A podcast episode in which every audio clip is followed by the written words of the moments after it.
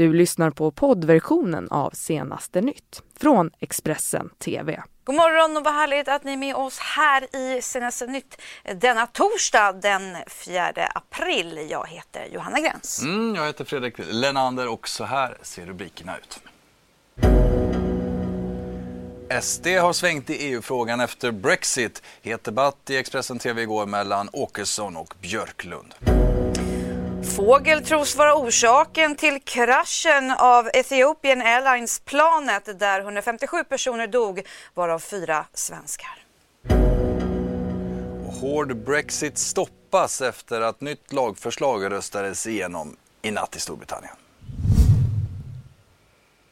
Mm, men vi ska börja med att en ung kvinna som utsattes för sexuella övergrepp av en skötare och felaktigt fått elbehandlingar när hon vårdats på en psykiatrisk klinik får nu miljonskadestånd av Region Stockholm. Det här har Stockholms tingsrätt nu slagit fast, det rapporterar Ekot. Mm, kvinnan får drygt 2 miljoner kronor i ersättning för inkomstförlust samt en årlig livränta på 270 000 kronor. Det här fallet uppdagades ju i dokumentärserien Patienten och tystnaden som sändes i P1 år 2014.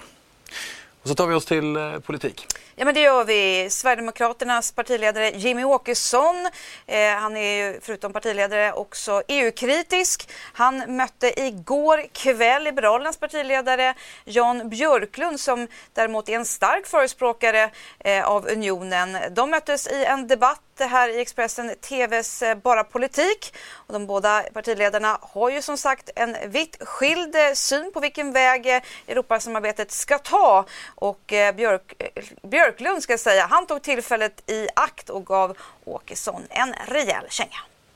Ni, ni vill centralisera och likrikta och göra Europa till, till, till ett och samma land och en och samma stat. Eh, och då är det ni som är Europafientliga och det är jag som är Europavän. Det är ingen som, i alla fall tänker inte jag mig att Europa ska bli en stat. Och om du tror ja, men det är ju om du konsekvensen att, av det ni gör. Nej, verkligen inte. Om du tror att en fransman skulle vilja avskaffa den franska kulturen så kan du aldrig ha mött en fransman överhuvudtaget. Det är klart att varje land har sin kultur och sin historia. Ja, och Sverigedemokraterna har också varit ett av de partier som drivit hårdast att Sverige inte bör vara med i EU. Men frågan drivs inte längre på samma sätt. Detta efter turbulensen kring Brexit. Så här säger Jimmie Åkesson om det. Hur viktig har Brexitprocessen och stöket kring den varit för ert beslut att eh, överge ert krav på att lämna EU?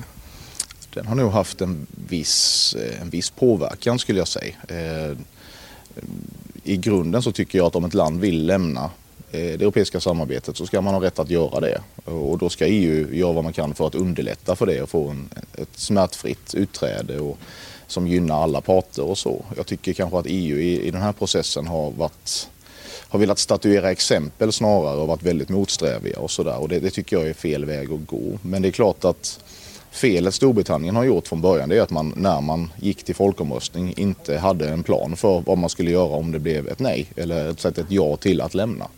Eh, utan den planen har man sen då försökt snickra ihop i efterhand. Eh, och det är ju felet. Så att skulle vi göra något liknande i Sverige någon gång i framtiden då utgår jag ifrån att vi först har en plan för hur ett utträde ska se ut. Eh, och att vi har en omförhandling på plats i så fall. Mm, jag tänkte vi skulle fortsätta en liten stund till med politik för efter en rekordlång eh, regeringsbildningsprocess i höstas eh, så fick ju som bekant Stefan Löfven sitta kvar som statsminister. Men för att behålla regeringsmakten så fick ju Socialdemokraterna göra upp eh, både med Centerpartiet och Liberalerna på 73 punkter. Nu, nu har även Vänsterpartiet med partiledaren Jonas Sjöstedt i spetsen presenterat ett eget 73-punktsprogram med åtgärder som de de ser som nödvändiga eh, att genomföra eh, för ett jämlikt Sverige. Och dessutom så passade vänsterledaren på att kröna Sveriges drottning av ojämlikhet. Programmet visar ju hur det politiska alternativet ser ut i Sverige. Om vi inte hade haft det här högersamarbete som regeringen har, om vi hade haft ett samarbete vänsterut, då hade vi gjort det här idag. Då hade vi infört ett högkostnadsskydd som gör att alla har råd att gå till tandläkaren. Vi hade satt fart på bostadsbyggandet av billiga lägenheter. Vi hade omvandlat osäkra, otrygga jobb till trygga fasta anställningar. Och jag tycker det är så viktigt att visa, inte bara att vi tycker att det är dåligt att man går till höger, utan att så här, så här kan vi faktiskt göra. Och vi kan steg för steg göra Sverige jämlikt så att segregering och klyftor minskar. Mm, men det här låter ju också som Socialdemokraternas hjärtfrågor i många punkter. Du tror inte att de kommer genomföra det här under den här mandatperioden? Nej, det tror jag inte. Utan de har ju bundit sig till att till exempel försämra anställningsskyddet, införa marknadshyror. Det är faktiskt mm. motsatt politik. Däremot tror jag det någonting som många socialdemokrater skulle önska. Mm. För att många av dem var ju också väldigt glada över det vänstersamarbete som vi hade. Men det är svårt. Annie Lööf är väl svensk politiks drottning av ojämlikhet. Mm. Och hon vill gå åt det här hållet. Och då visar vi att det finns ett alternativ till Socialdemokraternas högerkurs och till Centerpartiet. Och vi vet ju att väldigt många svenskar, även sådana som inte alls röstar på Vänsterpartiet, ser hur de här klyftorna växer i Sverige. Och vi vill visa att vi kan göra någonting åt det. Vi kan ha rättvisa skatter, vi kan ha klimatinvesteringar. Det är fullt möjligt. Mm, men du är inne på Centerpartiets Annie Lööf där och eh, ojämlikhetens drottning som du säger. Vad, vad, är det du är rädd för att, att, eh, att regeringen kan drivas in i nu? Hur, hur illa kan det bli så att säga? Ja men det är väldigt tydligt att nu använder man det ekonomiska utrymme som finns för att sänka skatten för de som tjänar absolut mest. Mm. Toppdirektörerna till exempel. Så blir det inte så mycket pengar över till sjukvård. Det blir inte så mycket pengar över till att bygga bostäder som man har råd med eller till att satsa på klimatinvesteringar. Och då kommer klyftorna i Sverige att öka och vi har ju massa utmaningar att ta tag i. Eh, vi ser hur många sliter i, i äldreomsorg och sjukvård. De behöver fler arbetskamrater. Vi ser att vi kan bygga bort bostadsbristen, men då måste man satsa för att göra det. Och här har ju regeringen valt en helt annan väg. Och vi vill visa att det finns ett vänsterparti, ett starkt vänsterparti som har de här idéerna som man kan samarbeta med och så kan man förändra den kursen. Mm. Nu till någonting helt annat. Verkligen fortsätter utrikes och nya uppgifter efter den dödskrasch för en knapp månad sedan i Etiopien som kostar 159 människor livet varav fyra svenskar. Det handlar ju om Boeing 737 Max 8 som har fått mycket kritik och bara minuter efter avfärd så kraschade ju det här planet ner i marken. Nya uppgifter nu alltså om varför. Det Boeingplan som kraschade i Etiopien hade en sensor som skadats av en fågel eller ett okänt föremål. Det uppger källor för ABC News som har kännedom om utredningen kring händelsen. Sensorn utlöste säkerhetssystemet som sänkte planets nos innan farkosten kraschade ner i marken. Det var under Ethiopian Airlines flygning från Addis Abeba till Kenias huvudstad Nairobi den 10 mars som olyckan inträffade. Flygplanet, en Boeing 737 Max 8, kraschade strax efter avgång. Samtliga 157 personer ombord omkom i olyckan. På planet fanns passagerare från 35 länder, bland dem fyra svenskar. Fortsätter vi till eh, Iran där det har regnat mycket den senaste tiden. Ja men det har ju verkligen gjort det och, och antalet eh, döda i de här omfattande översvämningarna i landet det stiger. Hittills så har över 62 personer omkommit, det här uppger iranska hälsovårdsmyndigheter. Eh, den senaste veckorna som sagt så har landet drabbats av ihållande regn som lett till att vattendrag svämmat över och blockerat vägar, spolat bort broar och orsakat runt 400 jordskred. Mm, läget i landet är fortfarande akut och myndigheterna har beordrat evakuering av flera städer. Men översvämningarna kommer också att påverka Irans jordbruk och ekonomi på lång sikt. Det skriver SVT Nyheter om idag. Och så till den eviga följetongen om Brexit här Johanna. Ja men precis, vad är en dag utan Brexit? Eh, för efter att ännu en omröstning kring Brexit-alternativen eh, havererat har eh, brittiska parlament, eh, parlamentariker nu röstat igenom ett lagförslag som förbinder premiärministern Theresa May att inte genomföra en hård Brexit.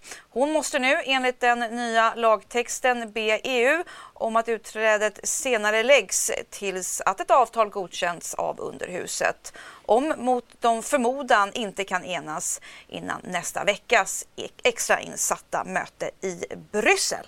Mm, och Theresa May och oppositionsledaren Jeremy Corbyn satte sig då ner under gårdagen i ett krissamtal. Ett samtal som eh, tog parterna framåt men som Corbyn också beskriver som ofullständigt. Discussion, and uh, there hasn't been as much change as I expected, but we are continuing to have some discussions tomorrow morning uh, to uh, explore some of the technical issues surrounding it. Um, and the meeting was useful but uh, inconclusive.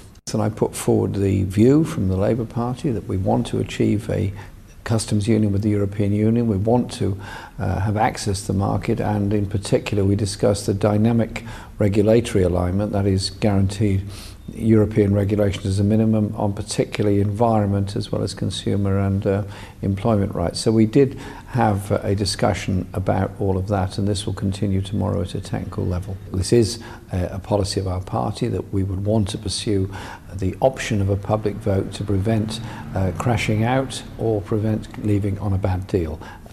There was no agreement reached on that. We just put it there as one of the issues that the Labour Party conference voted on last year. Vi ska också ta hjälp av Bianca Nobilo på CNN för att reda ut lite hur Storbritannien nu står inför ett utträde som alltså kan vara en dryg vecka bort. The Prime Minister and leader of the opposition, Jeremy Corbyn, met for talks to break the Brexit deadlock on Wednesday. Number 10 said that the talks were constructive. Jeremy Corbyn said they were useful but inconclusive. The two have agreed to work to find a unified way forward. The discussions followed an extraordinary session of PMQs when both leaders tried to remain cordial despite being goaded by their own parties. I think there are actually a number of areas that we agree on in relation to Brexit. I think we both want to deliver uh, leaving the EU with a deal. I think we both want we both want to uh, protect jobs. I think we both want to ensure uh, that we end free movement. I welcome the Prime Minister's offer for talks following the meetings that I've held with members across this House and look forward to meeting her later today. And I welcome her willingness to compromise to resolve the Brexit deadlock. As the two leaders try to reach a consensus around a softer Brexit, a political tug of war is raging. Theresa May's Brexiteer backbenchers want her to harden her position, while Jeremy Corbyn's frontbench are pushing him to ensure that any deal that's agreed is subject to a public vote. While the two leaders thrash things out, Parliament has its own ideas. It's still trying to take back control, impose its own time frame, and rule out a no deal in law. Bianca Noblo, CNN, London. Vi tar oss tillbaka till eh, Sverige en snabbis också. Ja men det gör vi, vi hinner med det också. Elever som går i mellan och högstadiet och har mer än fyra kilometer till skolan eh, eh, eller eh, fyra kilometer till busshållplatsen ska jag säga eh, eller att det finns särskilda skäl. Ja, de kan bevilja skolskjuts ifrån hemmet men så var inte riktigt fallet eh, för en elev vars vårdnadshavare ansökte just om skolskjuts på grund av eh, särskilda skäl och angav då att skolvägen vägen inte var tillräckligt säker. Kommunen de sa nej eh, och beslutet eh, överklagades av vårdnadshavarna till förvaltningsrätten som gav eleven rätt till skolskjuts. Mm, och nu river kammarrätten upp det här beslutet och går på kommunens linje med bedömning att en elev då i 12-årsåldern anses ha uppnått tillräckligt omdöme och förmåga att vistas på egen hand i trafiken. Att det är mörkt 2,9 kilometer långt att gå och saknas trottoar är inte skäl nog att bevilja skolskjuts, säger man. Mm, så kan det vara. Med det så tar vi en eh, liten eh, paus. Men, eh... Ja, vi fortsätter leverera här alldeles, alldeles strax. Du har lyssnat på poddversionen av Senaste nytt från Expressen TV. Ansvarig utgivare är Thomas Mattsson. Ett poddtips från Podplay. I podden Något Kaiko garanterar östgötarna Brutti och jag, Davva, dig en stor dos skratt. Där följer jag pladask för köttätandet igen. Man är lite som en jävla vampyr. Man har fått lite blodsmak och då måste man ha mer. Udda spaningar, fängslande anekdoter och en och annan arg rant. Jag måste ha mitt kaffe på morgonen för annars är jag ingen trevlig människa. Då är du ingen trevlig människa, punkt. Något Kaiko, hör du på Podplay. Därför är gardinerna.